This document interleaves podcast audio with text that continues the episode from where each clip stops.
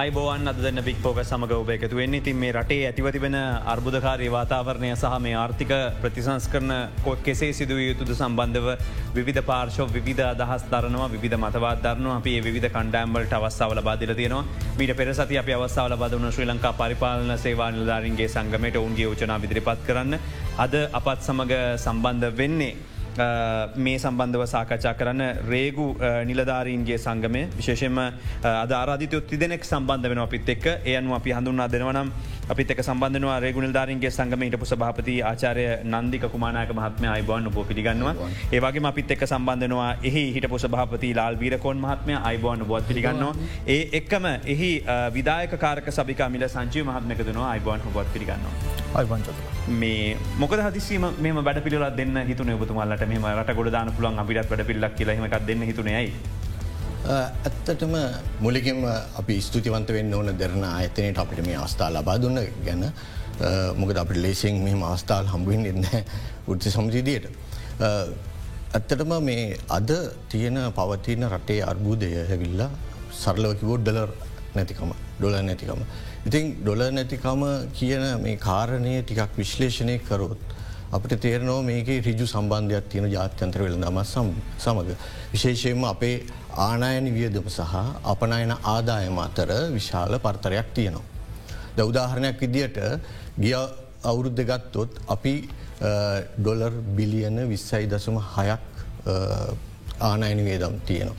ඒ අපි නමුත් අපනයන ආදායම වනේ ඩොලර් බිලියන් දොළහයි දසම් පහක් ඒ කියන්නේ ඩොල බිලියන අටයි දසම එකක පරතරයක් තියෙනවා අපේ වෙළඳ ශේෂය.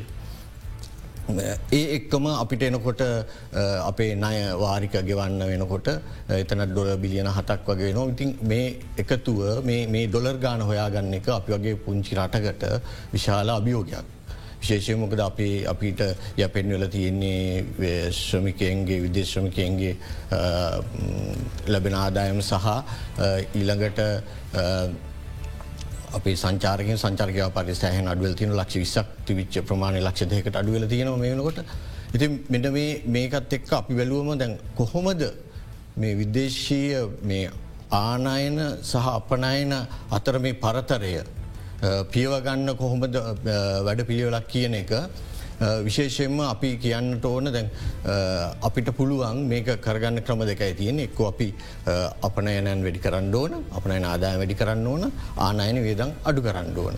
ඉතිං රේගෝ විදියට මෙන මේ කාරණය අපි මුල ඉනම්ම දැක්කා ඇත්ත වශ්‍යම කීරොනද මෙන මේ අද රට පත්වෙලා තියෙන තත්ත්වය මේක පුරුවකත්තනය කරන්න පුළුවන්කම තිබුණ. අවුදු දැන්ට අවුදු පහකට හයකට පැරවුණත් කෙනෙකුට මෙහම වෙන්න පුළුව මේ අවුද්ධයනකට මෙහ වෙන්න පුළුවන් කියනක නොදනුවත් ඉන්න බැහැ දැනගෙන ඉන්න පුළුවන්. ඇති රජයක් ඉදියට සහ ඉහල තලයෙන් ඒ සඳහා අවධානයක් යොමුණේ නැහැ. එතන තියනෝ ලොකු ඇරද්දක් ඒක තමයි මේ අද අපි මේ රට මුහුණ දෙන මේ ආර්ථික අර්බුදේ මෙම ප්‍රශ්නකතය එකන්න දැන්.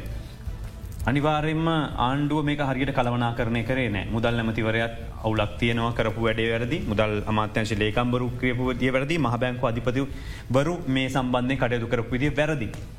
හැබයි අපි අනි පත්තර හැරිල බැලුවෝතින් අපි අපේ වගේ මිස්ට කල ඔබතුමල්ල ඔබතුමල්ලගේ වගේ මිස්ට කල්ල අද මෙතැට ඇවිල යෝජනාවක් දෙන්න කතා කරන්න උදාහරණයක් විදිර මොකද වගේ මෙම කතාකරොත් ශානය අබේසේකර මහත්මයා සාක්ෂි ලබාදමින් කියනවා දෙදස් දහනමේ පාස්කු ප්‍රහරෙන් පස්සේ. ලංකාවේ අයවැය පරතරයෙන් සීයට හැත්ත පහක්. සියට හැත්ත පහක් මේ ප්‍රශ්ය විසඳන්න පුළුවන් හරියට රේගුව අයකිරීම් ටික කරනව නම් කියලා. ඔබතුමල ඔබතුමල වකීම මගෑරලා අනි පතරවෙල්ල මෙතන කතා කරනො කළ තන්න බයිදමක. මෙහෙමයි. අපි මේ ඇත්තරම රජය සම්බන්ධ මේ අපේ රේගුව තුළින් කොහොමද රටේ ආර්ථිකයට දායකත්වයක් දෙන්නේ. විශාල කන්ට්‍රීෂණයක් කරන්න පුළුවන් කියන මතය සහ රේගුව තුළ වෙනස්කම් සිද්ධවියතුයි කියන තැන අපි හිටියා සහ අපි විසඳුම් සහ යෝජනා අපි තුළ. රේගු විද රේගු නිධාරීන් තුළ තිබුණා. අපි ඒ සියලුම යෝජනා සහ විසඳුම් අපි කල්පනා කල පේ උත්ති සමසිදිර ඇතරම කියනන මෙහම එමතන් තියෙන ගැටලුව. දැන් අපි ඉන්න නිලධාරි විදියට. අපි නිලධාරි විදියටන අපිට වෙන්නේ ඉහලින් එන ප්‍රතිපත්ති. එකන්නේ මේ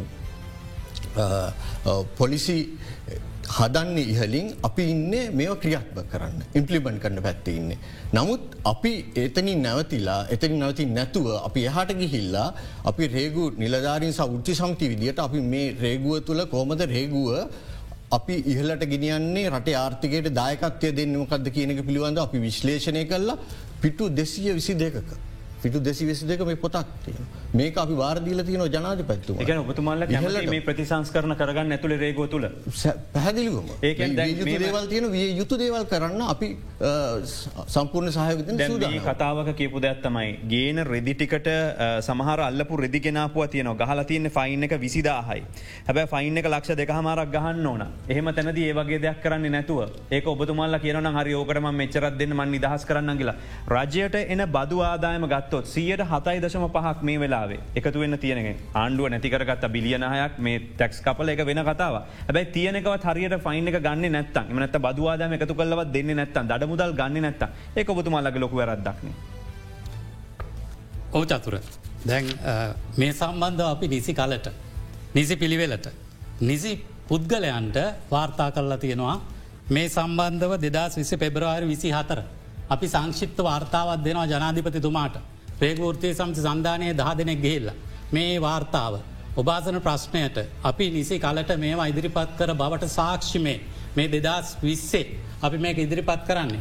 මේක කියනවා අපි strengthen the monitoring mechanism of exchange control and impose severe punishment to offenders එකයන්නේ අද තියෙන මේ ඩොලර් අර්බුදය අපි දැක්කේ දෙදස් විස්සේ පෙබරවාරි මාසේ. ඒවාගේම අපි කියනවා ගරු ජනාධිපතිතුමාට. අද අපේ රටට ඩොලර් එනවද නැද්ද කියන එක මොනිට කරන්න එමනත අධීක්ෂණය කරන්න ආයතනයක් නැහැ නීතියක් නැහැ පුද්ගලයෙක් නැහැ මෙකැනිසම් එකක් එමනත ක්‍රමවේදයක් මෙතඩොලොජිය එකක් නැහැ. මේක අපි මෙතඩොලොජිය එකක් හදමූ කියලා අපි මෙම වාර්තාවෙන් ජනාධිතමාට යෝජනා කරනවා. ඒවගේම ඩොලර් ගෙනෙන අයට කන්සේෂන්ස් දෙන්න. අපි මේ වාර්තාවේ හත එක granting concessions to foreign employees and exporters who is responsible for providing considerable amount of foreign exchange. අපි යෝජනා කරන දිරිගැන්වීම දයුතු කියලා අපි යෝජනා කරන්න දෙදස් විස්සේ. දැනුවි සමහර වෙලාවට සමාර අංශවලින් මේ යෝජන එන්නේ. අද මේ උදාහරණයකට අපි කියනවා granting car permits to get vehicle on කෝන්සසනට base කාටද එක්ස්පෝටර්ස් ලට අපනයන කරුවන්ට සහ රටට මුදල්ලෙවන අපේ විදේශ ශ්‍රමිකයන්ට අපේ අම්මලට ඒගොල්ලට අපි දෙනවා කන්සේෂනරි පර්මීට්ක්. දැන්කාට දෙන්නේ දැන් දෙන්නේ මන්ත්‍රීවරුන්ට රාජ්‍ය නිර්ධාරීන්ට විකුණගෙන කණ්ඩ. පර්මිටයක් අවශ්‍යයකටද. එයට අවශ්‍ය වැටු හොඳ ජීවන තත්ත්වයක්. හොඳ තමුගේ වැඩ කරන්න වාතාවරණයක් නීති පද්ධතියක්. ඒවා එයාලට ඕනේ. නමුත් අපි මෙතෙක්කල් කාපමිටස් දුන්න කාටද? පොඩි අල්ලසක් වගේ එකක් දෙන්නේ. අන්න හරි. මයක සේමක් ප්‍රකාශ කරනවා. සමාරලා රාජනිර්ධාරින් උරණ වෙන්න එපා. රාජනිධාරීන් හැටියට අපිට මොනවදෝනි අපිට ඕනේ අපේ සුරක්ෂිත භාවේ අපේ දරුවන්ට උගන්නන්ට ක්‍රමවේදයක්. අපිට මාර් අපිට ගමනාගමනය සඳහා අපිට සහයෝගයක් අවශ්‍යයි. නමුත් විකුණගනකන්ට පර්මිට් එකක් නෙවෙයි අපිට ඕන් ඒක දෙන්න ඕනේ අපේ රට ඩොලර් ගෙනෙන මිනිස්සුන්ට. ඒවගේ තියෙනවද මේක කොච්චරක්? ඒකැන් අපි දැන් දැන් ඇත්තරම IMF යෝජන ඇවිල්ල තියෙන්නේ මේක අකුලන්. මේ ක්‍රමය වෙනස් කරන්න. සහ මේ අනිවාරෙන් කවරු හරි IMF එකින් නොකිවත් අපි කරගන්න ඕන දෙයක්. එතකොට කොච්චරක් අපි නැති කරගන්නවද අවුද්ධට මේ විදිර බදු? ඔබතුමන්ට චෝදනාව කියලගන්න ඔබතුමල්ල බද්ධ අය කරල දෙන්න නෑකල ඒවගේම කොච්චරක් නැති කරගන්නවද මේ වගේ සහන දීලා සහනාධාර්දිලා වාහන ගෙන්න්න දීලා අනවශ්‍ය අවස්ථා දීලා? මොකක්ද තියෙන ඩේට එක. අනිවාර්ය මේ කාපමිත් සඳහා දීර් කාලයක් තිස්සේ. අති විශාල බදු ප්‍රමාණයක් අපි අත්තරිනවා. ඊට අමතරව මේ සම්බන්ධව පුවත්පත් සාකච්ඡාවත් තියලා දෙදස් විසියකේ ජනවාර විසි හයවෙනි දාපි කියනවා. දෙරණෙන් නෙනවා. දෙරන වාර්තා කරනවා. දෙරන ප්‍රවෘතිවල වාර්තා කරනවා. අපි පුවත්පත් සාකච්ඡාවකින් මේ කියන අපේ යෝජන ක්‍රියාත්මක නොකර සිටීම සම්බන්ධව අවුරුද්දක් බලා සිටලා අපි කියන අපුවත් පත් සාකච්ඡාවකද අපි බදු අත්තැරිය. චතුර මේ හරා විතරක් නෙවෙයි අපි කොච්චර බදුවත් අරිනවද. අපි වැට්ටක පහලුවේ ඉඳලා අට ගේනවා. එතනින් ඩොලර් බිලියන අසුවක් අපි අත්තරිනවා.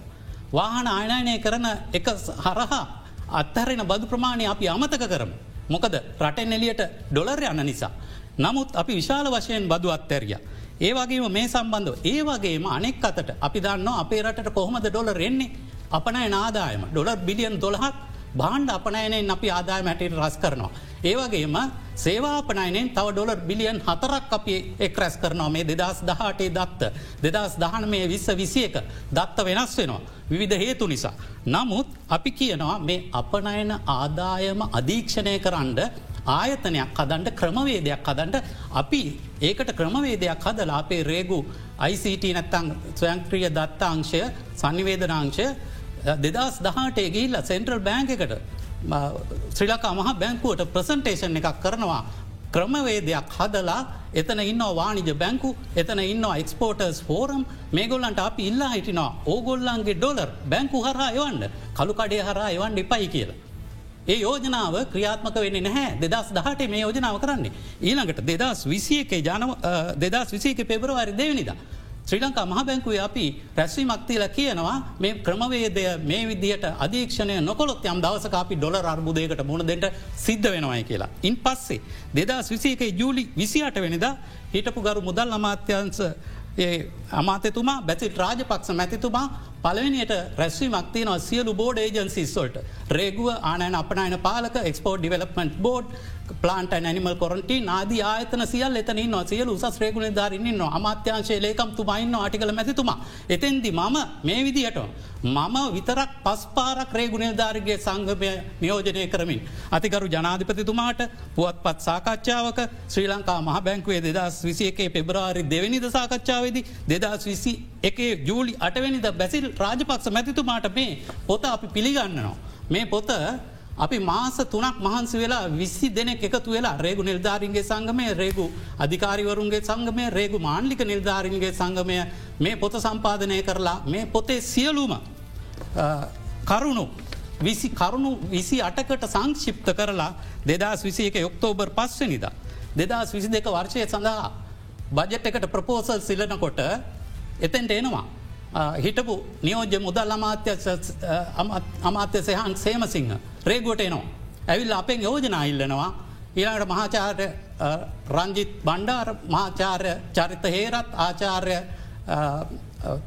තව ගුණපාල රත්නසේකර ඊළඟට මදුර විතානගේ ගාමිණී වලේ බොඩ නීතිීඥ මතුර විතානගේ ඊළඟට අප හිටපු මාධ්‍යවේදී එදිරිමාන්න ඒවගේ අය එනවා රේගුවට. අපි මේ පොත පොතේ කරුණු තිස් අටක් බජට් ප්‍රපෝසල් හැට ඉදිරිපත් කරන අයක පිටුවකි. මේ තිස්සටේ මේ පොතේ අදාළ පරිච්චේදයක් දාලා ඒ අයට භාර දෙනවා. ඒක තියෙනවා ඉම්පලිමෙන්ටේන් of එක්ස්පෝර්ට් ප්‍රසී ්‍රිපට්‍රියේෂන් මේ මොකක්ද. අපේ රටට අපනයනය කරන බාණ්ඩවලට අදාළ මුදල් එනවාද කියලා පරික්ෂා කරන අධීක්ෂණය කරට ආයතනයක් හදල බලය දෙන්න රේගුවට දෙනවන මෙම කියන්න මේක වැදගත්ම කාරණයක තව ලිහල කියනවන ඒ කියන්නේ අපේ රටේ ඉන්න එක්ස්පෝටර්ස්ලා ඒගොල්ල එක්ස්පෝට් කරනවා අපි හිතමුකෝ බිලියන දහයක කියලා. එහෙමනං ඒක වැලිවැට් කල්ලා ලාබේ ඔක්කොමත් එක් ඔබ කියන්නේ ආපහු ලංකාවට එන්න ඕන බිලියන දහයක් නම් අඩුගන බිලියන දහයවත් එන්නවන් එක් ොෆිට් එකත් එක් කොළහක් එන්න ඕන. ඔබ කියන්නේ සරලව කියන මේ කොටස එනවද නැද්ද කියලා බලන විදිහක් නෑ කියන එක. හරියට හරිචතුර මෙතන විහිලුව මෙන්න මේකයි. දැ මේ තියෙන්නේ අපනයන සටහන් කරයක් එක්ස්පෝට් කස්්ඩ එක අපිට දෙන්න සමීපදස් එක්ස්පෝට එවන්නේ මාර්ගගතව රේගුවට. එතකොට මේකේ මෙතන තියෙනවා හතලිස් හයවැනි කොටුවේ ඉලක්කමක් මේ ඉලක්කම දහ නමයක්. ඊළඟට මේක එහම තියන්න අපිට පෙන්න්නන්නේ හොඳයි අපි කතා කරම ඇතරතුර ඔවු හොඳ මේක තියෙනවා මෙතන විසි දෙවැනි කොටුවේ ඩොලර් පනස් නම දාහ. ඊට අනුරූපී ඩොලරකේ වටිනාකම එදා මේ අපනන් සටන් කරේ දෙදා සෙසු දෙකේ හතරෙන මාසේ විස්ස. මේක තියෙනවා ඩොලර එක තුන්සිය විසිටෙන් වැඩි කරලා මේ අපනයන වටිනාකම රුපියල් ොලි. එතකොට මේ වටිනාකම මිලියන් දහනමයක් රුපියල්. මේ මිලියන් දානමය පදනම් කරගෙන මෙච්චර ප්‍රමාණයක් අපනයනය කරා කියලා තමයි මහබංකු වාර්තා විධාන්නේ. මේ ඩොලර් පනස් නමදාහ ලංකාවට ආවද ආවෙ කොයි විදිහටද මොන බැංකුව හරහාද කියලා අධීක්ෂණය කරන ක්‍රමවේදයක් නෑ නීතියක් නෑ මෙතඩොලොජී එකක් නෑ ඒ සඳහා එකකවුන්ටබල් එහම නැත්තං ඒත් සඳහා වග කිය යුතු ආයතනයක් නෑ. ද මෙහෙම කිවොත් ඒගැන දැම් අපි දැන් ඔය කියන සල්ලිටික ක්ස්පෝට් කන අපි දන්න අඩුගාන මේක වැලිවට කරත් අඩුගාන ඔටික හරියෙන් ඕන කියලා ඒ කියන්නේ මේක එන්නේ නෑ ඒක වෙන රටක කවුන්ට එක තියෙනවා කියනකද මේ කියන්නේ. දැන් චතුර මෙහෙම වෙන්න පුළුවන්. මේක එනවා යම් කොටසක් ඒක බැංකු හරා එන්න නෑ උදාහරණය මම කියන්න. තේ අපනයනකවරුවෙක් තේ ගන්නේ තේ මණ්ඩලය හරහා. එතකොට තේ මණ්ඩලයට තේ එන්නේ තේ කුඩු එන්නේ යම්කිසි තේ ෆැක්ටරියකින්. එතකොට තේ ෆැක්ටරිය උත්සාහ කරන්නේ ඒ තේ ෆැක්ටරියට දළු දෙන මේ ගොවියට උපරිම මිලක්තෙන්ඩ. දැන් බැංකුවේ ඩොලර එකේ වටිනාකම දෙසිය දෙකයි. කළු කඩේ ඩොලර එක දෙසිය හතලිහයි. ඕනම කෙනෙක් අපි හිතමකො විදේශ ශ්‍රමිකේ එහම නැත්තම් අපනයනකරුව බැංකුවට අයිද එම නැත්තම් කළු කඩේට අනිවාරෙන් කළු කඩ කළු කඩේට යන්නේ. එතකොට කළු කඩේ ඩොලර් වසරක් තිස්සේ. බිලියන් දෙක හමාරක්. වියදම් කරමින් ඩොලර් බිලියන් දෙක හමාරක් වියදම් කරමින් දෙසිය දෙකට ඩොලර් එක අල්ලගෙන හිටියේ කවුද කළු කඩේ වාසියට. කළු කඩෙයි බැංකුවේ අතර වෙනසක් හැමදාම තිවුණා. හැබැයි මේක රුපියල් දෙකයි දෙකයි පහට පහලින් තිබෙන නමුත් චතුර ඩොලර් ලංකාවට ආව. ඩොලර් ලංකාවටාවේ හොර පාරි. ඩොලර් මාරූනේ වැඩිපුර ප්‍රමාණයක් කළු කඩින්. ඇයි තේ ගොබියට වැඩිපු රුපියල් හතලියත් දෙන්න නෙවෙයිද අප නයනකාරය බලාපොරොත්තුවෙන්. එනිසා ඩොලරාව ඒවගේ විදේ ශ්‍රමිකය ඩොල රෙව්වා ඒ ඩොලරුත් කොයිට දෙක තුනේ කළු කඩේට එතවට කවද ඩොලර් කළු කඩේ නඩත්තු කරේ. අපි අහනවා පාලකය තමයි ඉතින් අන්තිවන මේ හැල් කරපු කට්ටියන පාලකයුන්ගේ ආශිරවාදේ. අපි අහනවා මේ රටේ උද්ඝෝෂණය කරන අපේ සහෝදර සහෝදරයන්ගේ. ඔබ පරීක්ෂා කරන්න. කළු කඩේට ඩොලර් එකතු කර ඩොලර් මහ මුදලාලි කවුද කියලා. කවදත්තරම කවද කවරුහරි වෙන්න පුළුව එක එකන දෙන්නයි ට ඉන්නද කොම ඔබ කිව වෙන්න පුළුවන්. ඒවාගේ රේගුවට බලය දෙනවන මේ බලය අපෙන් උදුරාගත්තා. අපේ අමිල සෞදරය පැහදිලි කර උදුරාගත්ත විදිහ දෙදස් දහටේ තිබුණ එක්ෂන් කන්ට්‍රෝල් ඇක්ට එක විනිමේ පාලක පනත වෙනස් කරලා නව විනමය පනතක් නැත්තන් ෆොරින් ක්ෂේන් ක්ට එකක් ඉන්ට්‍රඩියස් කර. මේ ඇක්ට එකේ මේ ආයතනවලට දුන්න බලය අවෝසි කරා.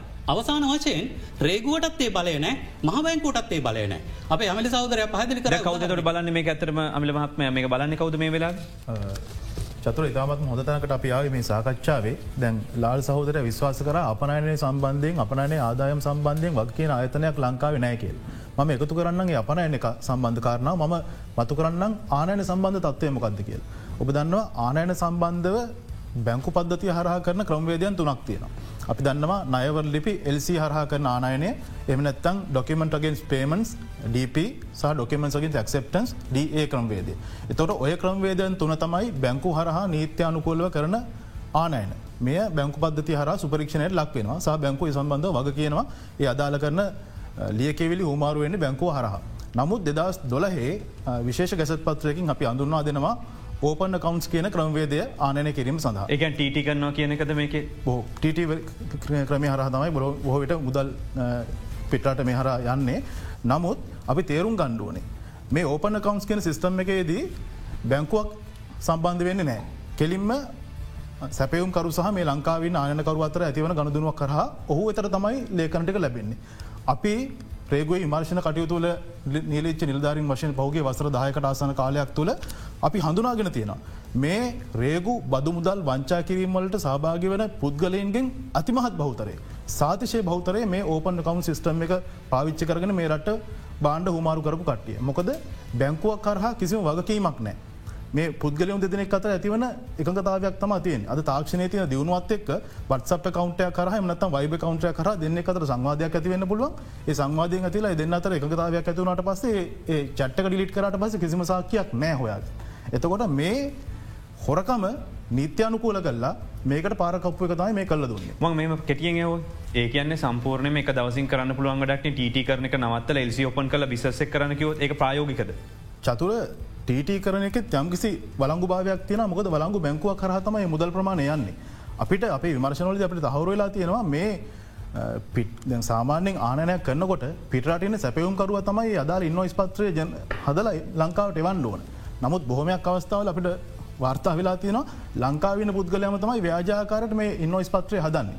එතකොට කිසිම ආයතනයක් නෑ මේ මුදල් නීත්‍යනු කූල ක්‍රම්වේද ඔස්සේ රටින් නිවැරදිආකාරයට බැහැරගයාද කියනක සම්බන්ධයෙන් වගගෙන ආයතනයක් නෑ. ලංකායි බැංකු පද්ධතියට ඒ සහ ඒ තහවරු කිරීම කරන්න බෑ මොකද මේ බොහොමයක් මුදල් ලංකායි බැංකු පද්ධති හරහ නෙවෙයි ගහින්තියෙන්. අපි මේ ආකාරයට ලංකාවේ ආනයනයෙන් සඳහා කොපමන මුදලක් විදේශංගත ප්‍රේශණය වුණනාද කියනක සම්බන්ධවත් අපිට රටක් විදිට අපි හරි දත්තනෑ ම එක සරල උදාහරණයකින් පැදිලි කරන්න මේ බෝම මෑතකාලේ අපිකරපු රේගු විමර්ශනයක් අපිට ලැබිච්ච තොරතුරක් මත අපි පිටකොටු ප්‍රදේශය එක්තර ව්‍යාපාරකයගේ ස්ථානයක් අපි වටලනා රේගෝ මගින් මොහු ඉතාමත්ම සුළු පරිමාණයේ ව්‍යාපාරකෙක් ඕගේ ස්භාවේදයක් අහම අපිට නිර්ණය කරගන්න පුළුවන් ඔහුට සමන් එතරම් හැකියාවක් තියෙන පුද්ගලයෙක් නෙමෙයි. නමුත් ඉතාමත්ම සීමිත කාලයක්. සතියක කාලයක් ඇතුළත ඔහුගේ ගිනුම් හරහා ආනයනෙන්ට වෙන්කරපු මුදල් බව පෙන්වමින් ඩොල මිලියන එකයි දශම පහකට ආසාන මුදල් ප්‍රමාණයක් පිටාට වෙත බැහැර කරල තියෙනවා. නමුත් මේ යවපු මුදල්වලට මේ ප්‍රේෂණවලට අදාළ කිසිදු ආනනයක් ලංකාට ඇවිල්ලනෑ. මේ පුද්ගල රේගු අත්තරංගෝට ගත්ත අපි අධිකරන ඉදිරිපත් කර නමුත් මේක තමයි චතුර තියෙන කනගාටු දායක තත්වය නීතියේ ප්‍රතිපාදන නැහැ රේගුවට මෙවන් වූ පුද්ගලන්ට විරුද්ධ නීතිය ක්‍රියාත්ම එකන් රටේ ඩොලටික පටවන මනුස්සයට එරහිව කටයුතු කරන්න විදිහක් නෑමේ වෙලා ආනයන අපනන ශේත්‍රයේ නිරතුරුව ගැටන ආයතනයක් විදිර රේගුවට මේ පුද්ගලයෙන්ම කෙලින්ම රැහනට හසුකර ගැනීම හැකියාව තියෙන. නමුත් අපිට ඒ සම්බන්ධ ක්‍රියාත්මක ගැන තිබ නීතිය ප්‍රතිපාදන අයිංකල තියෙනවා නවතිය ප්‍රතිපාදනවලට එහට ගිල්ල ගත්තොත් මේ කදා දෙකක්. නමුත් දැන් ඔබ විමර්ශනය කරනව කියන හිද දැන් විමර්ශනය කරන කට්ටියව හැමදිසම ඒගොලන්ට එක් ප්‍රමෝෂන් දෙන්න නෑ ගොලන් ටාගට කල ගොලන් ඊල ගදිරට යන්න බෑ. බල්ලිවල ගොලන් කපලදානකන කරන්න විමර්ශ නිලධාරීම රේගවේ. අනිත හොරක කරන්න බැරිවෙන හිද නෙමද මේ ඇතුලින්ම එකතු වෙලා නෙද කරන්න. චතුර ශ්‍රී ලංකා රේගු සම්බන්ධෙන් ඒලට කන චෝදනාවට ම එකඟ වෙන්න නැහැ මොකද අපි රේගුණ ධාරන්ගේ සංගම වශය අවස්ථාද පෙනී සිටින්නේ අපි නිරතුරුවම සංගමයක් වශයෙන් අවංක වැඩකන නිලධාරන්ගේ සුරක්ෂත භාව වෙනුවෙන් අපි නිරතුරුව කැපවෙලා තියෙනවා සහ අපේ සාමාජිකත්තය ආරක්ෂාව වෙනුවෙන් අපි පෙනී දෙල තියෙන විශේෂයෙන් අපි සඳහන් කරන්න ඕනේ රේගවාඥා පනත හරහා අපිට ලැබෙන ආරක්ෂාව. ඉතාමත්ම හොඳ පසරයක අපට කටයුතු කරන්න අපිට කොඳ කෙලින්තියාගෙන වැඩ කරන්න පුළුවන්කම අපට පනතහර ලබාදිල තියෙන ම කියන්නේ අපිට රේගුන් පනතහා පනත සම්බන්ධව ආනුෂංගිකව ක්‍රියාත්මකවන නීති ප්‍රතිපාදනවල යම් යම් වෙනස්කම් කරලා. ඒ විශේෂම මේ ෆොරන් එක්ෂන් ඇට්ගේ වෙනස්කම් කරලා පරණ පනතේ තිබ බලතර අපිට ලබාදෙනවනම් අපිට මේ සම්බන්ධව වඩා පුළුල් විමර්ශන කල්ලා ඒ විදේශ මුදල් පිටට යවන පුද්ගලන් සම්බන්ධ හොඳ විමර්ශනයක් අපට හරියට නිකං හොරාගයම්මගේ පේනහුව වගේ වෙන එකක් නැද්ද? මොකද ම මෙහම අහන්නේ. දැන් උදාහරණයක් විදිහට මහාචාරය ආරු ආශුමාරසිංහ ප්‍රශ්නයක් අහනකොට මේ කාරක සභාවේ.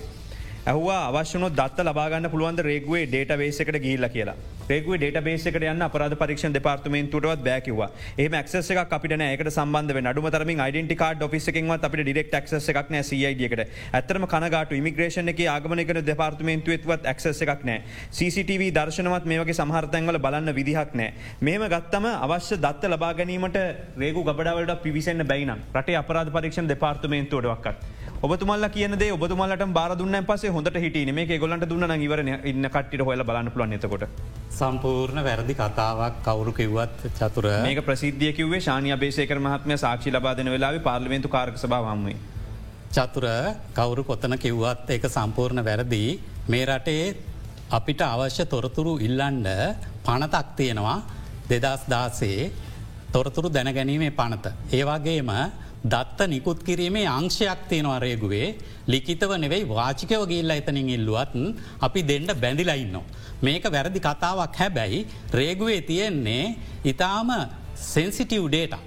මේ රේගුවේ තියෙන අපනයන ඉන්නොයිසියක් අරගෙන ඒ ඒ අදාළ බය තමුන්ගේ කරගණ්ඩ කෙනෙකුට පුළුවන් වෙන නිසා තමයි රේගු නිලධාරී නෝන කෙනෙකුට ක්ස් දෙන්න නැති අපේ සිස්ටම එක දැනවත්ති විනත් විධ මාර්ගොලින් හැත්ත පන්ද දීල ගත්ත කියන මෙචර දීල ගත්ත කියන අදාල කටිය හොයා ගන්නවන බැලුවම ලංකාවින් එක්ස්පෝටස්ල මෙහෙමයි චතුර. ඕන කෙනෙකුට දත්ත ඉල්ලූ අපි දෙනවා. ඒ කියන්නේ එතන නොදිය හැකි දත්ත තියෙනවා පනතේ සඳහන් කරලා. නෙගටව ලිස්ට එකක්. අපි ඒක දෙන්නේ නැහැ ඒ අපිට දෙන්න බැහැ. හැබැයි අපි අපේ තියෙනව වෙනමම අංශයක්. රේගුවේ දත්ත දීම සඳහා එනිසා ඕනගෙනට දත්ත දෙන්න පුළුවන් ඒවගේ ඔබ මෙතන මතු කලපු ප්‍රශ්නය අපේ දෙදස් දහට වෙනකල් මේ කියන එක්ෂේජකට සම්බන්ධව ඩොලර් අර්බුදයට සම්බන්ධව. අපේ තිබුණ බලය රේගුවේ බලය නැත්තං පරණ එක්ෂන් කටරෝ ලක්ටක විසියක විසිදක විසතුන වගන්තිවලින් පැවරිලා තිබුණ බලය නැවත දුන්නනම් මහිතනවා ඔය කියන විවේචකයන්ට. දැ ඔය කියන විවේචකයෝ විවේචනය කර අපේ රට පත්කරපු තැන අපි දන්නවනේ. ඒ පත්වෙන්ට හේතුවක් අපි හවාගෙන ඉදිරිපත් කරනවා නිදස් විස්සම? ඒ හේතු එකක්නේ එක්ෂන් කන්ටරෝ ලක්ටකින් එක්ෂන් ලිබරලයිස් කරපු එක. ඕන ඕන විදිහට එක්ෂන් ගෙනියන්ට පුළුවන් වෙච්ච එක එක්ෂන් ගේනවද නැද්ද කියන එක ඔයා නොබලපු එක. ඒකන මෙත තියෙන ප්‍රශ්නය ඒ ප්‍රශ්නයට අපිට බලය දෙනවනං අපි කියන්න අපිට බලය දෙන්න එපා. වෙන බලය දෙන ආයතනයක් හදන්න. ඒ ආයතනයට අපේ අපි දෙන්නම් අපේ යෝජනාටික මේ යෝජනාටික ක්‍රියාත්මක කරන්න. මේ යෝජනාටික ක්‍රියාත්මක කරොත් මේ අර්බුදයෙන් ගොඩෙන්ට පුළුවන් අපි හිතනවා ඉතාම කෙටි නිශ්චිත කාලයක් තුළ. එනිසා දත්ත ලබා ඒ හැබැයි ඕනම කෙනට ඇක්සස් දෙන්න අපිට බෑ. ඒම සීමිත ඇක්සස් තමයි අපි දෙන්නේ. අපි එන්න මාරයකට එම නැත්තං අපේ යම්යම් බෝඩ ඒජන්සිස්වල්ට අපි ඇක්සස් දීල තියනවා. මොකක් සඳහාද ඒගොල්ලන්ට අදාළ එන්න මාරය එම නැත්තං අපේ සෞඛ්‍ය දෙපාර්තමේන්තු අවෂද නියාමන අධිකාරියට. අපි ඇක්සස් දීල තියෙනවා පාමසිටිකස් ගෙන්න්න එකට සම්බන්ධව ඔවුන්ගේ අනුමතිය ගණ්ඩ. ටීබෝඩ් එකට අපි ඇක්සස් දීල තියෙනවා තේ අපනෑනේ සම්බන්ධව ඒගොල්ල තොරතුරු ඒගොල්ලන්ගේ තොරතුරු ගණ්ඩ. ඒවාගේම එක්ස්චේන්් ඉම්පෝට් කන්ටරෝලට අපි ඇක්සස් දීල තියෙනවා ඉම්පෝට් කන්ටරෝල් ලයිසන් නොලට අදාළ තොරතුරු ලබා ගණ්ඩ. ඒ නිසා මේ රටේ ඕනම කෙනකුට ඕන විදිහට අපේ සිිස්ටම් එකට ඇතුල්ලට ඇතුල්ලෙලා තොරතුරු ගණ්ඩ බැහැ. නමුත් තොරතුරු දෙන්න අපි විරුද්ධය කියන එක අපි තරයේ ප්‍රතික්ෂේප කරන එක අයිතියක් තොරතුරු දැනගැනීමේ පනත මම නිරීඥ හැටියට කියන්නේ මේක ඕනම කෙනෙකුට මේ රටේ තියෙන අයිතියක් ඇවිල් අයිල්ලන්ඩ අපෙන් නීත්‍යානුකූල තොරතුරු ලබාගන්න ඔබට අයිතියක් තියෙනවා රිසර්චස්ලට අයිතියක් තියෙනවා ඕගොල්ල තොරතුරු ලොත් අපි තොරතුරු දෙන්න බැඳිලා ඉන්නේ. අපි මොහොත්මට මොහොතක් දෙනවේ කෙටි විරාමිකරීම වෙලාන්න මේ අද දෙරන බික් ෆෝස්.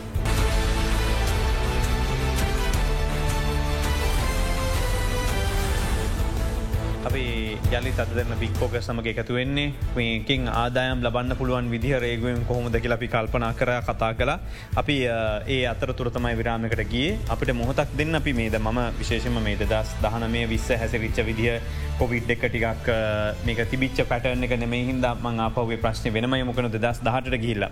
දැන් දෙදස් දහට වසරේ ශ්‍රී ලංකා රේගෝ නිකුත් කළ මේ වාර්චික කාරසාධන වාර්තාම පරිහරණය කරම් පරිශිල්ය කරම් දැක්කා. ඒවසරි රේගු බදවාදාම රුපියල් බිලියන නමසය දහනමයයි.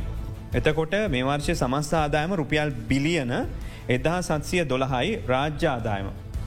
සමස්ස රාජ්‍යාදායමෙන් සියට පනස්තුනයි දශම හතක් ලැබිල තිබ්බේ රේගු ආදායමෙන්. එතකොට මේ උපයාගත්ත ආකාරය බැලුවෙන් පස්සේ. මේක මීට වඩා රේගවාදය උපයගන්න පුළුවන් ඔබතුමල්ල මේක මගාරිනවා කරාරිනෝ කියන ප්‍රශ්නම පෙර හුව මේ වෙන විදිියකින් නමුත්ම ආපහවානවා මේ ප්‍රමාණය ඊට වඩා ගේන්න බැයිද තැනකට කියනක. මෙහෙමයි චත්තුර දැන් අපි අපි හිතනවන දැන් කොහොමද මේ ආදායම එන්නේ. ආදායම එන්නේ රජය විසින් ගන්න ලබන ප්‍රතිවත්තිමය තීන්දු මත අපි නිකුත් කරනො ටැරිෆ් එකන ටැරිෆ් එක නිකුත් කල්ලා ඒ ටැරිෆ් එක කියන්නේ බදු අයකරගත යුතු ප්‍රතිශතය අපිට යොම් කරනවා. මෙහෙම මෙහම තමයි බදු අයකරගත යුතු ප්‍රතිශතයන් මේමයි මේ මේ බාණ්ඩවලට මෙච්ච ප්‍රතිශතයක්. මෙම ඒ බඩුවල් මේ බදු එකතු වෙනෝ වැට් බද්ධ වෙන්න පුළුවන්. ඊළඟට කස්ටම්ස් ඩියුටි ඒ වගේ ස්ල් කිල් කියන ස්පේෂල් කමිට ලිවිස් ඒ වගේ බදු අංග කීපයක් තියන එකතු කරන එක තමයි කස්ටමකින් වෙන්න. ඉතින් දැන් මේ ටැරිෆ් එක වෙනස් කරන රටාව හැටියට රජය ගන්න සැරින්සරේ කරන මේ තීන්දුවලට අනුව ටැරිෆ් එක කරන චේන්ජස් අනුව අපේ ආදායම අපිට රැස් කරන්න පුළුවන් තියෙන හැකියාව වෙනස්සින. ඒක හොඳ මුදාහරණය දැන් කල්ලු කතා කර වගේ වැට් එක අයිංකර අඩු ගන්නකොට සීට පහලෝ සියට අට කරාම අපේ ආදායමින් රුපියල් බිලියන අසූ හතරක් අපි එකතු කරපු ආදායම අඩුවනා. ඉතිං අපි කියන්නේ දැන් මෙන මේ වගේ දේවල් මියෝම හිතුමනාපෙට එකරයි මේවා පැහැදිලි අධ්‍යනයක් කල්ලා ටැරිෆ් එක කියන එක බොහෝම සංවේදි දෙයක් රටක විශේෂයෙන්ම අපි වගේ දියුණුවමින් පවතින රටක. ඉතින් මේ ටැරිෆ් කියන එක තමයි කොන්ට්‍රෝල් එක තියෙන්නේ මේ රටේ සංවර්ධනයට යොමු වෙන. ඒකන්නේ අපි ටැරිෆ් වැඩිකල් අපිට පුළුවන් අපේ දේශය කර්මාන්ත ආරක්ෂ කරන්න. ඒ කරන්න රටවල්ල. ඉට පස්සේ ද- අපිට හිංගයක් තියන බාණ්ඩගයක් තින ආයි ටැරිෆ් අඩු කල්ලිවර අපි රට්ට බඩු ගෙන්න්න ගන්න පුල බඩු රටට එන්න යන එක පාලනය කරන ක්‍රමයක් බවට අපි මේ ටැරිෆ් එක පාවිච්චි කරන්න පුළුව. ති මේවා විද්‍යානුකූල විද්‍යාත්මක විදියට අධ්‍යනය කල්ලා නිසි අධ්‍යනයකින් තමයි අපේ රටේ ආදායම අපි ටාගට් කරන්නව නම් ඒ ටාගට් එකට කොහොමද අපි මේ ටැරිෆ් එක වෙනස් කරන්න අන්න ඒ වගේ දේවල් කල්ල තමයි කරන්නුවන්. ඉති මේක එකක්කෙනා එකෙක්නා ගුම්මනාවන් වලට මේ වෙනස් කල්ලා ඊට පස්සේ රේගුවට කියන ආදායම අඩුයි. ආදායම වැඩි කරගන්න ඕන කෝමද කරන්න? මේ රෙගුවන් මේ හරි වැඩි කරන්න ඇකිල්ති. ඒ වගේ දේවල් වලට විසඳුම් අපි දීල තියෙනවා. කරුණා කරලා මේ ටැරිෆ් එක ගැන නැවතත් හිතලා මේ රටේ සංවර්ධනයට යොමු වෙන ඒ රටාවට ගැලපෙන විදිට මේ ටරිෆ් එක වෙනස් කරනගෙන අපි අපි කියන යුනියන් විදිටක් කියන අපි ඔෆිසස් විදිටක් කියන මෙන්න මෙතනින් අපිට පුළුවන් ඔය කියන ආදායම් වැඩි කරගන්න එක වැඩි කරගන්න. නමුත් මෙහෙමයි දැන් කවුරු හරි කියන්න පුළුවන් මේ රේගුන් දැන් අපි ට්‍රේගුවට ද සටහන්කරයක් දැම්මම එක සටහන්කරේ වැටෙනවා එක්කෝ ඒක වටිනාකම. එහමනත්තං එතන වැටනවා අපි ටැරිෆ් අයකරන්න සමහරලාට එක යුනිට ට්‍රේට්ේ අපිනි කිලෝ එකට ගානකතුන එමනත්තං අර වැලුව එක බේස් කල්ලා අපි ආදායම රැස් කරන්නේ මේ ප්‍රතිශතයක් විදිට ඔන්න ඔවිදියට යන් නිති. ඉති ඔය ඔය රටාවන් අපි තේරුවගෙන ඕ වෙනස් කරලා ගැන නිසියා නිසි ආකාරයකට අපි මේ වෙනස් කරගත්ත නැත්තන් මේ රටා වෙනස් කරනත අපිට අවශ්‍යක නිලක්කවලට රටේ සංවර්ධනයට මේ ටැරිෆ් යොදාගන්න බෑ ඉතින් රේගවිං ලබෙන සහය නිසියාකාරයෙන් යොදාගන්න බැරිවෙන්. අපි මේ ප්‍රශ්න විදිහට අපිට මේ අවස්ථාවදි තවත් යොමු කරන පුළුවන් ගැටලු එමනත්තන් කිහිපය. එතකොට දැම් මේ අපි කියපු දෙයක්ත්තම මුල ඉඳලම මේ සම්බන්ධය මේ තියනකොට අදාළ වංචා සහගත සිදුවීම නැවත්තුවතින් ඒකෙන් යම්කිසි අදමක් ගන්න පුළුවන් කියනක.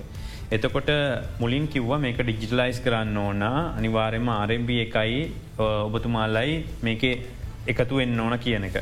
එතකොට ඊට පස්සේ ඇතිවෙච්ච කතාව තමයි ඒක කරන්නම හිටපු කොමසාරිස්තුමා කියපු කතාවත්තමයි මේක කරන්නම සෑහන මාස ගානක් ගිය තුමක මාසාහයෙන් විතර මේ කරන්න පුළුවන් වේ කියලා.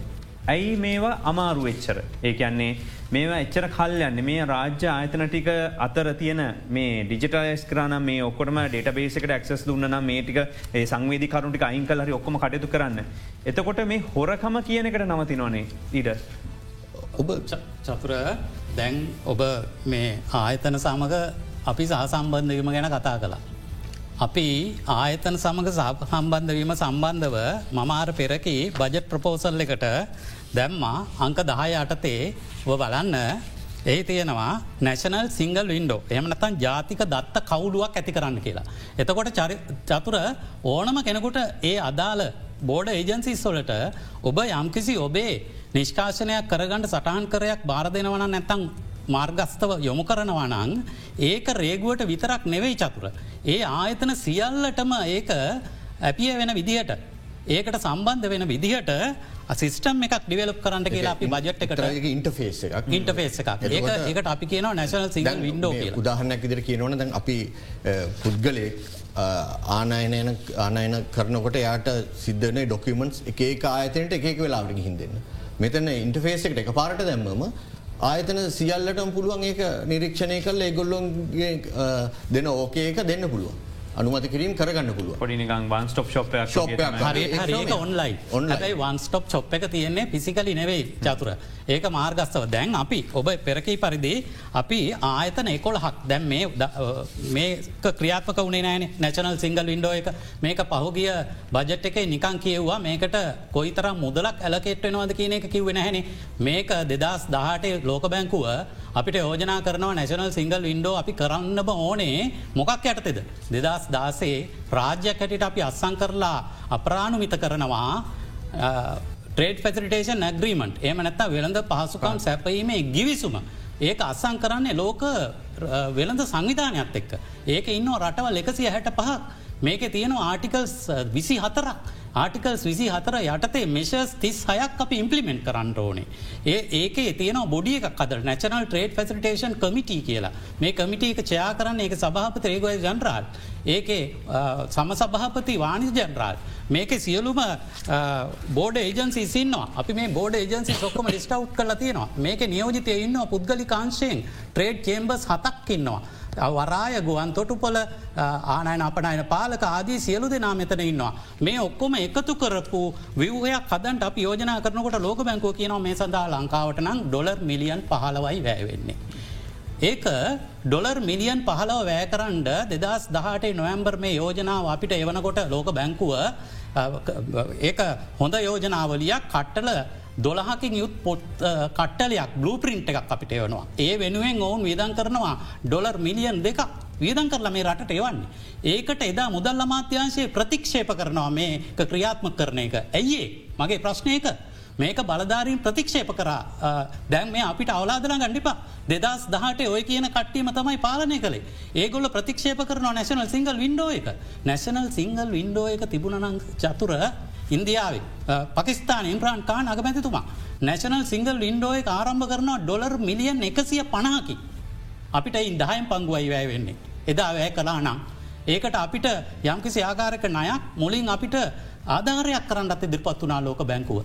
ඒ නිසා මේක සිද්ධ වෙන්නේ නැති නිසා. ඔබ කිව් ලෙස චතුර අපි අපේ සිිස්ටම් එක ආසිකුඩා කියලා කස්ටම් සිිස්ටම් එක ඒ අපේම සිිස්ටම් එකක් අපේ ලෝක රේගු සංවිධානයක්ත් එක්ක එකතු වෙලා අංටාඩ් ආයතනයේ අනුග්‍රහ ඇතුව අපි ක්‍රියාත්මක කරන්නේ අපේම මානව සම්පතෙන් අපේ රේගු නිල්ධාරින් විසින්. අපි බෝඩ ඒජන්සිස් එකොල්හක් දැනට සම්බන්ධ කරගෙන තියෙනවා අපිත් එක්ක. කවදන්නේ මෙතන ඉන්නවා Sri Lanka tea board coconut development board food control authority Sri Lanka standards institute Department of Excise, Animal Quarantine, Plant Quarantine, Import and Export Control Department, Department of Fisheries, National Medicines Regulatory Authority මං කැලින් කෙව්වා. එනමාරේ එම නැත්තං අවෂධ යාමන අධිකාරිය අවසාන වශයෙන් අපි සම්බන්ධ කරගත්ත මෑතකද කන්සිවම අපයා සොතෝරිටි පාරිභෝගික අධිකාරිය. එනිසා ඉතුරු මාස ඉදිරි මාස හය තුළ Ministry of Environment, Department of Commerce, Ministry of Industries, Precursor Control Authority, National Gem and Jewelry Authority, State Ministry of National Security and disaster management කියන මේ ආයතන ඉදිරි මාසාහය අපි සම්බන්ධ කරනවා බොහෝම අවම පහසුකම් යටතේ අවම යටිතල පහසුකම් යටතේ. අපි අපේ සාමාන්‍ය වැටු ලබන නිර්ධාරින් විසින් මේවා ක්‍රියාත්මක කරනවා. ජැන් රටේ දැ මේක ක්‍රියාත්ම කිරීම සම්බන්ධෙන් ප්‍රශ්නතිය ද රටේ එකනමික් බ්ලු පින්ට එකත්ති නොද කියෙනක ප්‍රශ්නය හැබැයි අපි බැලුවොත් ඇත්නම් නැශනල් එක්ස්පෝට් ටේජික හදන්න අවුදු ගාන තිස්සේ ඒක කණ්ඩෑම් එකතු වෙන ඒක රැස්සනෝ කණ්ඩෑම් තියෙනවා පඩිගෙවන මුකුත් වෙන්න. එතොට නැශනල් ට්‍රේඩ් පොලිසිය එක මොකක්ද මේ අපිට තියෙන තොට මේ නැතුව තමයි ද ඉන්දියාවගේ රට මේ ඔක්කොම එක විදිහකට අමුණල්ලා වැඩ කරද්දි. අපිට බැරිවෙන්න හේතුව මොකක්ද ඔබ හිතන විදිහට මේ සම්බන්ධය ඔබේ මතය මොකක්ද. චතුර ප්‍රතිපත්ති සම්පාදනය ඇත්තටම විදායකය කාරයක්. අපි දිගින්දිගටම අපි අවධාරණය කල තියෙන අපි ෘද්ධය සමතියක් විදිට අපිට අවශ්‍ය කරන මේ වෙනස්කම් ඒ ප්‍රතිපත්ති මේ තීරණ අපිට ලබා දෙන්න කියලා. අපි ෘතිකයන් වශයෙන් සහ වගකයුතු ෘත්තය සමතියක් වශයෙන් නිරන්තරයෙන් අප යෝජන අදහස් ලබාදිල තියෙනවා. සහ අපේ ෘත්තය සමති ක්‍රියාමාර්ගාරහ අපි ඒකන අවශ්‍ය කන බලපෑම අපි කල්ලා තියෙනවා. ඉතින් අපි රාජනලධාරීන් වශයෙන් රජය විසින් ගන්නා ප්‍රතිපත්ති මේ තීරණ ක්‍රියාත්ම කිරීම සහ ඉට පොඩ්ඩක් එහට ගිහිල්ලා ඒ නව ප්‍රතිපත්ති ක්‍රියාත්ම කරන්න කියල බලපෑම කරනව ඇරෙන්න්න එහට දෙයක් ඇතරම් රාජනධාරීන් වශයෙන් අපිට කරන්න අමාරුයි. නමුත් අපි දිගින්දිකට මේ බලපෑමින්න අපි රේගෝ වශයෙන් අපි ඉතාමත්ම අභිභානයෙන් කියනවා ශ්‍රී ලංකාවේ රාජ්‍යායතනයක් වශයෙන් ඔටෝමේෂන් කියන කන්සෙප්ට එකත් එක් වඩාත්ම ඉස්සරහටගේ රාජ්‍යාතනයක් තම ශ්‍රී ලංකාරයකු ඒවනට ස්කෑනරකවත් ක්‍රියාත්ම කරනතු පැත්තකට කළ ගලොල දාලා තිබන සහන කාලය. ස්කෑනක කියන්නේ චතුර ඉතාමත්ම ලොකු ආයෝජනයක්. ඒක රේගුවට මෙච්චර කාලයක් තිබ්බ ස්කෑනක ඉතාමත් ප්‍රාථමික මට්ටමේ නමුත් නව ස්කෑන් පද්ධතියක් පාවිච්චි කල ලබාදිලා තියෙනවා ඒක ප්‍රයකෝ ක්‍රියාත්ම කරන්න පුළුවන්තත්වයට ආපුදාසදන් අප ඒක උපරිම ප්‍රෝජනය ගන්නවා මේ වෙනකොට ශ්‍රී ලංකාවට පැමිණෙන බහලුම් වලින් සියට අසුවකට අසන ප්‍රමාණය අපි ස්කෑන් අන්ත්‍රය හර ස්කෑන් කරනවා ශ්‍රී ලංකා රේගෝ කියන්නේ. අපි නිරතුරුවම අපි අවධාරණය කරන්නේ පුළුවන්තරම් හිවමන් ඉන්ටවේශන් අඩු කල්ලා ඔටෝමේෂන් වැඩි කරන්න කියනක තමයි පිල්ලන්න. අපි කියන්නේ පුළුවන්තරම් තාක්ෂණයත් එක ඉදිරියට අන් කියන මුද අපි ජාත්‍යන්තර වෙළදාමත්ක කටයුතු කර ආයතනයක් අපි වැඩ කරන්නේ ජාත්‍යන්ත රේකු සංවිධානය සහලා ජාත්‍යන්තර වෙළන් සංවිධානය උපමානත් එක්ක. එතකොට ඒ ආයතනත් එක්ක වැඩගන්නකොට අපි ජාත්‍යන්තර මට්ට මේ සේවාවක් සපයන්න ඕන ආයතනයක් වශයෙන්. ඉතින් අපි හැමතිස්සම ලැස්තී මේ තාක්ෂණය නමතාක්ෂණය දේවල් අපි වැළඳගන්න අපි ඒවත් එක් ඉස්රහට යන්න. අපි දිගින්දිකරම් මේ රජයන් වලට බල කරන්නේ ඒ සඳහා අවශ්‍ය කරන ඒ ඒ පිරිවේ දරන්න කියල උදාහරණය වශයෙන් ලාල් සහෝදර පැවසුව ඇමරිකන් ඩොල මිලියන පහලවයි බැවෙන්න කියලා නැශනල් සිංගල් ඉන්ඩ කන්සෙප්ට ලංකාව හදන්න. චතුර ඇමරිකන් ඩොල මිලියන් පහයි පහලවක් කියන්නේ ශ්‍රී ලංකා රේගුව එක දින ආදායන. මෙචරම් මෙතරම් ජාතික ධනයක් රටට එකතු කල දෙන ආයතනයේ එක දිනයක ආදායම වැය කල්ලා ඇයි මේ රජයට බැරි. ඒ අවශ්‍ය කන්න යටිතල පහසුකන්ටික මේ ආතන ලබාදෙන්. අපි තාක්ෂණඇත්තක ඉස්රහටයන් ලෑස්ති අපි වෙනස් වෙන ලෑස්ති අවශ්‍ය කරන ප්‍රතිපත්තිමේ තීරණ අවශ්‍ය කන නිවැරදි දැක්මකින් යුතු මේ රට වෙනුවෙන් ගන්න අවශ්‍ය තීරණ පාලකයන්ට ගන්න කියනක අප ඉල්ලා සිටින්. අපි කෙටිවිරාමකට අලිතයොම වෙලා නම අදරන බික් පෝකස්.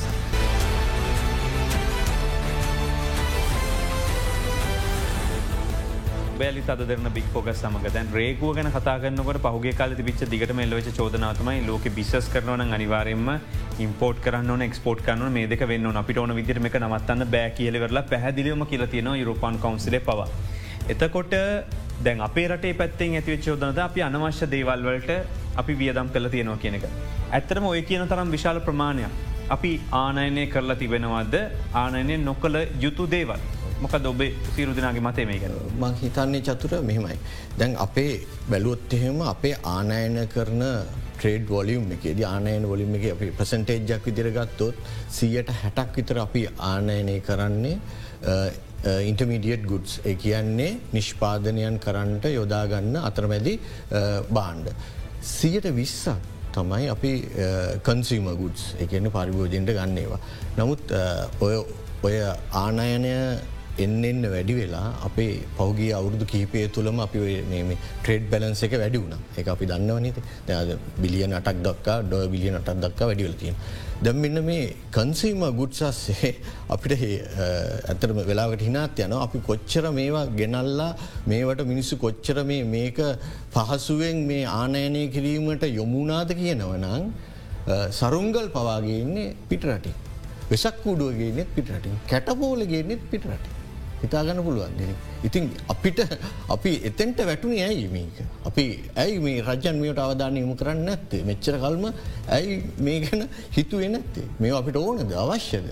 විශේෂම අපි හිතනවා දැන් කෙටිකාලී නොවනත් අපි මේ අපේ ඩොලර් ප්‍රශ්නයට විසඳුමක් විදිට අපි හිතනවනං අපිට සිද්ධ වෙනවා අපේ ලයිෆ් ස්ටයිල් එක අපේ මිනිස්සුන්ගේ ජීවන රටාව කිසියම් විදිියක අර්ථපූර්ණ විදිකට වෙනස්කාමකට යොමු කරගන්න. මේ විදියට සරුංගොලෙත් පිටරටින්ගේන විදියට අපි යොමුවෙන නැතුව මේ අපිට අවශ්‍යදය ගෙනල්ලා සහ අපි ඇත්තරම රජයක් විදිර තීන්දු ගන්න ඕන ආනායනයන් අපි කොයි පැත්තරද යොමු කළ යුත්තේ. රටේ සංවර්ධනය ටාගට් කරලා හොයි පැත්තරද අපි ආනයනයන් යොමු කළ යුත්තේ කියන එකට මහිතන්නේ විශාල වශයෙන් ප්‍රතිවත්තිමේ තීන්දුවක් රජය විසින් ගතයුතුව තියෙනවා. මේ සම්බන්ධෙන්ම ඔබතුමාගේ මතේ මොකක්ද මේ පිළිබඳව. ඕ චතුර දැන් අපි කෙටිකාලන වශයෙන් මේ ප්‍රශ්නයට මුණ දෙන්න නම් අපි යෝජනාවලයක් සකස් කරලා තියෙනවා.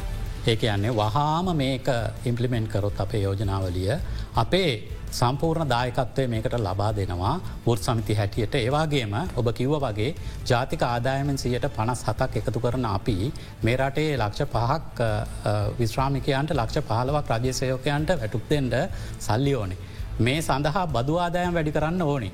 ඒවාගේ බදු ආදායම් වැඩි නොකර සිටීම හරහා මොකද උනේ සල්ලි අච්චු ගහන්ඩ වනා පඩිදෙන්. එනිසා මේකට මුහුණ දෙන්න මේ රටේ ජනතාව නිවැරදි ලෙස රේගුවට තමුන්ගේ බාණ්ඩය ඩික්ලයා කරන්නට එම නැත්තම් ප්‍රකාශ කරන්නට. නිවැරදි කේතය ප්‍රකාශ කරන්න. නිවැරදි ප්‍රමාණය ප්‍රකාශ කරන්න නිවැරදි වටිනාකම ප්‍රකාශ කරන්න කියල මංගිල්ලා හිටිනවා. ඒවාගේම අපනයනකරු බැංකු හරහා තමුගේ ගණදනව දැන් කරන්න පටන්ගත්ත. එම නැත්තං අන්තිමටම ඔබ අපනයනය කරලා මුදල් ලංකාවට නොගෙන ඔත්තහෙම ආඩියත් දෙනාගේ ගැඳහැලිය වගේ වෙයි. හැමෝම බලාපොරත්තු වෙනවා පිටරටින් වෙන කෙනෙක් අපනයනය කරලාගෙන සල්ලිවලින් මගේ ආනයන ටි කරගන්න. ආචර්කුමානාය සදුර කිව්ව වගේ ආනායන සඳහා අපි වැය කරන මුදල අපනයනයෙන් හොයාගත්තු තමයි ට්‍රේඩ් බැලන්ස එක සීරෝ වෙන්නේ. මේ අපිට කරන්න පුළුවන් අපි මේ බෑකිල හිතන්න හොඳ නෑ අපනයන වැඩි කරගන්න ඕනේ කෙසේ හෝ අපනයන කරන්න ඕනේ අපි යෝජනා කර ඩොලර් නෑන් හරි ඒක තමයි. අපි මේ යෝජනාවලිය ක්‍රියාත්මක කරම් අපනයන ආදායම අධීක්ෂණය. මේ සඳහා නීතිය සකස් කරල දෙන්න මෙකෑනිසම් එක සකස් කරලා දෙන්න ඒ සඳහා අදාළ ආයතනය පිහිටවන්ඩ බලය අපිට දුන්නොත් අපි කරලා පෙන්න්න. අපිට ඒක කරන්න ශක්තිය තියෙනවා. ඊළඟට විදේශ විනිමේ අනීතික ලෙස රටින් බෑර කිරීම වැලැක්වීම. විනිමේ පාලන පනත අවසි කිරීමෙන් අකර්මණ්‍යය වූ නීති අඩු වශයෙන් තාව කාලික වශයෙන් නැවත පනවන්. එනිසා අපිට පුළුවන්ගෙනවා ආනායනයෙන් අපනයනෙන් ඩොලර් ගේනවා ආනායනයෙන් අපි එලියට ඩොර් අනිසි විදිට අනක වලක් වනවා. ආනයන බාණ්ඩ සඳහා විදේශ ගත කරන විදේශ විනිමයට අදාළ බාණ්ඩය ආනයනය කරනවාදයි අධීක්ෂණය කිරීම සඳහා නීති ආයතන ක්‍රමවේද සකස් කරන්න. එතකොට අපි දන්නවා යම්කිසි බාණ්ඩයක් අමිල සෞද්‍රකිව්වාගේ සඳහා යම්කිසි විනමයක් අපි ඩොලර් ප්‍රමාණ පිට යව්වෝත් ඒ සඳහා අදාළ බාණ්ඩ අපිට රෙන්ඩ ඕනේ අපනායනය කරනවයි කියන්නේ අපේ රටේ සම්පත් පිට යනවා ඒමනං ඒ සම්පත් තිලව්වට අපට ඩොලර් එන්න ඕනේ. ආනායනය කියන්නේ අපේ රටේ ඩොලර් පිට යනවා එහෙමනම් ඊට අදාළ ආනායන බාණ්ඩය ඒ සම්පත අපිට එන්න ඕනි. මේක වත්කම සහ වගකීම අතර කාරණයක්. ජාතික වෙළඳ පාසුකම් සැසීමේ කමිටුවට නෛතික බලාත්මක භාවයක් ලබාදෙන්ට. මම කිවා නැශනල් ට්‍රේඩ් ෆැසිටේෂන් කමිටී කියලා මේ සියලු ආයතන සම්බන්ධ කරපු අපේ විහයක් තියෙනවා. ඒක ලෝක රේගු සංවිධානය කොන්දේසි පිට අපි ඇතිකරපු විහයක්. මේ උහය ත්‍රයි මාසිකව මුණ ගැහෙනවා. මේකට නෛතික බලාත්මකතාවයක් නෑ. මේකට හරිහමං අම්මෙක් අපෙක් නැති විදිහට අනාත වෙච්චාතනයක් බවට අද පත්වෙලා තියෙනවා. ඒ බලාත්මක කරන්න එතකොට අපිට පුළුවන් මේ කට්ටි එකතු වෙලා අපිට යම්කසි මේ ප්‍රතිපත්ති සකස් කරන්න උදව් කරන්නට පස්වනි අංකය මගින් විසින් රැගෙන යන විදේශ මුදල් නීත්‍යානුකූලව ගත්තේ වද කියලා බලන්න. ඒවාගේම බැංකු නොවන මුදල් එක්රැස් කරන ආයතන අධීක්ෂණ බලතල එක රේගුවට දෙන්න රේගුවට දුන්න අපි කරලා පෙන්න්නම් එමනැත්තන් ඒ සඳහා හරි අධීක්ෂණයක් සිද්ධ කරන්න හරි රිකන්සිලේෂන් එකක් කරන්න කියලා කෙටිකාලීන අමිල මහත්මය කියන්නේ දැන් ගුවන් මගින් ගෙනියන එකත් ප්‍රශ්නයක්ද ඩොල චතුර මෑතකාලය වෙච්ච වෙනස්කං එක්ක කලින් තිබේ ගුවන් මගේට ඩොල පන්දාහ ගෙනයන පුලන් රටින් පිරිතර නමුත් දැන්ඒක වැඩි වෙලා තියෙන ඩොල දහදහක් දක්වා අපි මොහතකට බලමු මගින් සිය දෙනෙක් දවසක ඩොල දහදා ගන ගෙනනිච්චොත් කොපොන මුදල් ප්‍රමාණයක් රටින් එලියට යනවත්. එක නිසා කෙනෙකුට පුද්ගලට පහසුකන් සැලසීම විදිර නීති හැදෙන්න්න ඕන තමයි. නමුත් මේ වගේ ෆොරෙක්ස් ට්‍රයිසිස්සයක් රටේ තියෙන වෙලාවේ රටේ සුප සිද්ධියට මේ අනපනත් වෙනස් කිරීම සම්බන්ධව රටේ පාලනය කරන පුද්ගලින් අවධාන යොම කරන්න ඕනේ කියන කාරණාව අපි අවධාන මිලියන් ඩොලර්ස් යනව දවසට එම හිතුවති. එතකොට ඩොල මිලියන පහයි මේ අවස්ථාවනට ලංකාවේ තියෙන ගැටලුවට මුණ දෙන්න තියෙන කියලා පහුග දස කලි ශප්‍රි මුදල්ල මතර ඉන්නකොට කිව්වා. ඒ ගැන අනිවාරෙන් ලොකු ප්‍රම ගැටලුවක් මෙතන තියෙනවා. ඒ ෆලයිට් එක්ක තුන්සියක් යනවා කියලා හිතම ෆ්ලයිට්ස් කියක් යනවද චතුර. එතකොට අපට ප්‍රශ්න කරන්න පුළුවන් සීමාවතින ඩොල දහදායි. දාදාට වැඩිය ඉතර දාදාට අඩුව අපට ප්‍රශ්න කරන්න බැරිනම් ඩොල කොච්චර ලිට යනවගේ අපට හිතන්න පුළුවන්ද උදේට මනිචේන්ජස් සල්ටික එකතු කරගන්නවා හැඳවට ටික තමුන්ගේ අදාළ කට්ටිය හරා පිටරට තල්ලු කරලදාන එතවට රටේ ඩොල ඉතුරුයිද. හොඳයි. මේ වෙලා ප්‍රමාණවත්ම තව කතා කරන බෝ දෙවල් තියෙනවා. අපි සම්බන්ධනේ අද වත්ම ආර්ථික අර්බුදෙන් රට ගොඩගන්න මොනවද රේගෝට කරන්න පුළුවන් කියලාහන්න අද දවසේ රේගු නිධානන්ගේ සංගම වෙනුවෙන් එහි හිටපු සභහපති ආචාරය නන්දී කොමානායක මහත්මයත් එක් බෙහිම ස්තුතියි සම්බන්ධනාට වගේම සම්බන්ධනාය හිටපු සභපති ලාල් විරකොන් මහත්මය බොහම ස්තුති වගේම එහි විදාකාරක සභිකාමිල සංජය මහත්මය බොහම ස්තුතියපටත් පටසට නවසන් කරනවා අපි පුවත් විකාශයට යොමුව.